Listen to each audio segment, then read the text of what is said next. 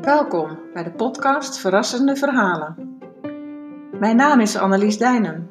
Ik ben schrijfster van verhalen die zomaar komen opborrelen. Met mijn verhalen wil ik een glimlach teweeg brengen en je meenemen in de lichtheid van mijn fantasie. Stap even uit de waan van de dag en laat je moeiteloos meevoeren.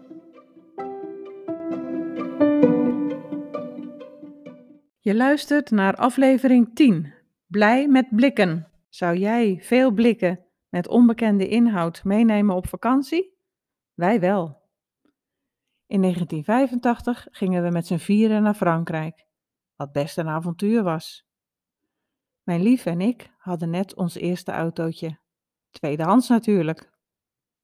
We gingen met mijn nichtje en haar vriend en zij hadden in diezelfde periode een oude knaloranje bak gekocht.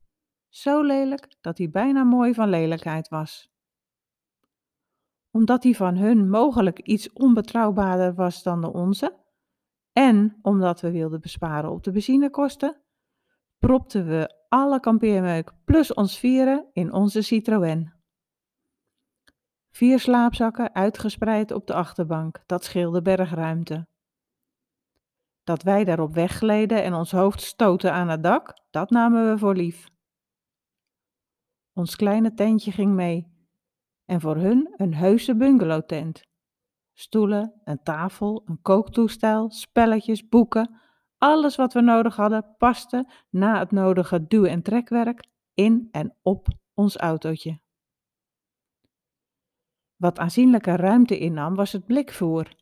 Gekregen blikken, allemaal met etenswaren. Dat zou besparen op de voedselkosten, want erg rijk waren we niet en dagelijks uit eten gaan zat er niet in. De inhoud van die blikken, daar hadden we geen idee van. Dat waren verrassingen, zeg maar.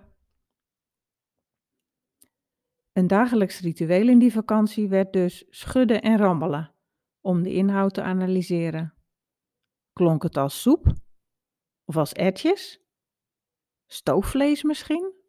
Of zelfs gekookte aardappelen? Waar hadden we zin in en welk blik klonk daarnaar? Na een uitgebreide analyse, waar we alle vier aan deelnamen, moest één van de blikken eraan geloven. Met spanning maakten we vervolgens het blik open met zo'n piepklein militair openertje, dat weliswaar geen ruimte innam, maar nogal moeizaam werkte. Wat eruit kwam, daar deden we het die dag mee. Meestal zaten we er ver naast met onze analyse. Maar we verzonnen er altijd iets omheen. Vaak was dat sla, omdat we maar één kookpitje hadden. Sla met soep. Etjes met sla. Stoofvlees met sla. Sla met gekookte aardappelen, die je gelukkig ook kon opbakken. Of barbecue, want zelfs die was mee. Die vakantie gingen we twee keer uit eten en ook daarbij kregen we te maken met blikken. De eerste keer bestelden we de Franse daghap in het enige restaurant dat het dorpje rijk was en waar de locals kwamen. Wat er toen op ons bord lag was ondefinieerbaar en Google Translate bestond nog niet. De ober kon het ons niet uitleggen. We hielden het erop dat hondenkop het hoofdingrediënt was en we maakten er ter plekke een liedje van. Hip, hap, hop, weet de hondenkop. Met sla.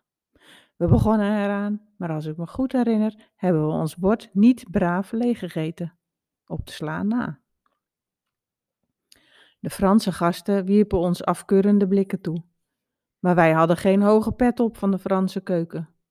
Toen niet en nu eigenlijk nog niet, gezien een recente ervaring waarbij de daghap eerst in een koeienmond bleek te hebben gezeten.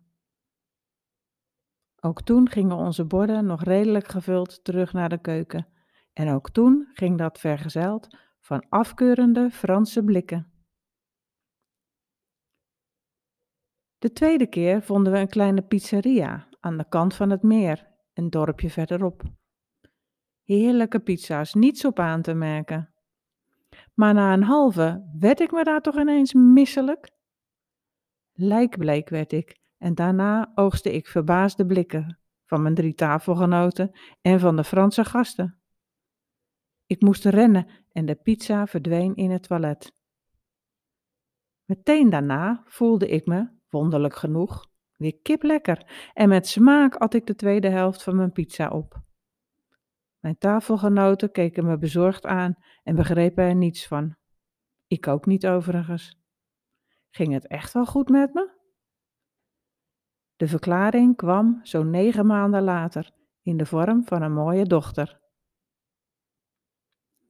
Was het tobbe met die vakantiemaaltijden? Nee, het was gein. De blikken waren een belangrijk onderdeel van onze vakantievreugde.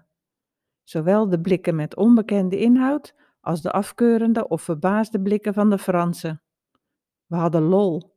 We waren lekker creatief bezig en we aten voor weinig. Zelfs nu, 35 jaar later, zijn de maaltijden van die vakantie nog goed voor de verhalen.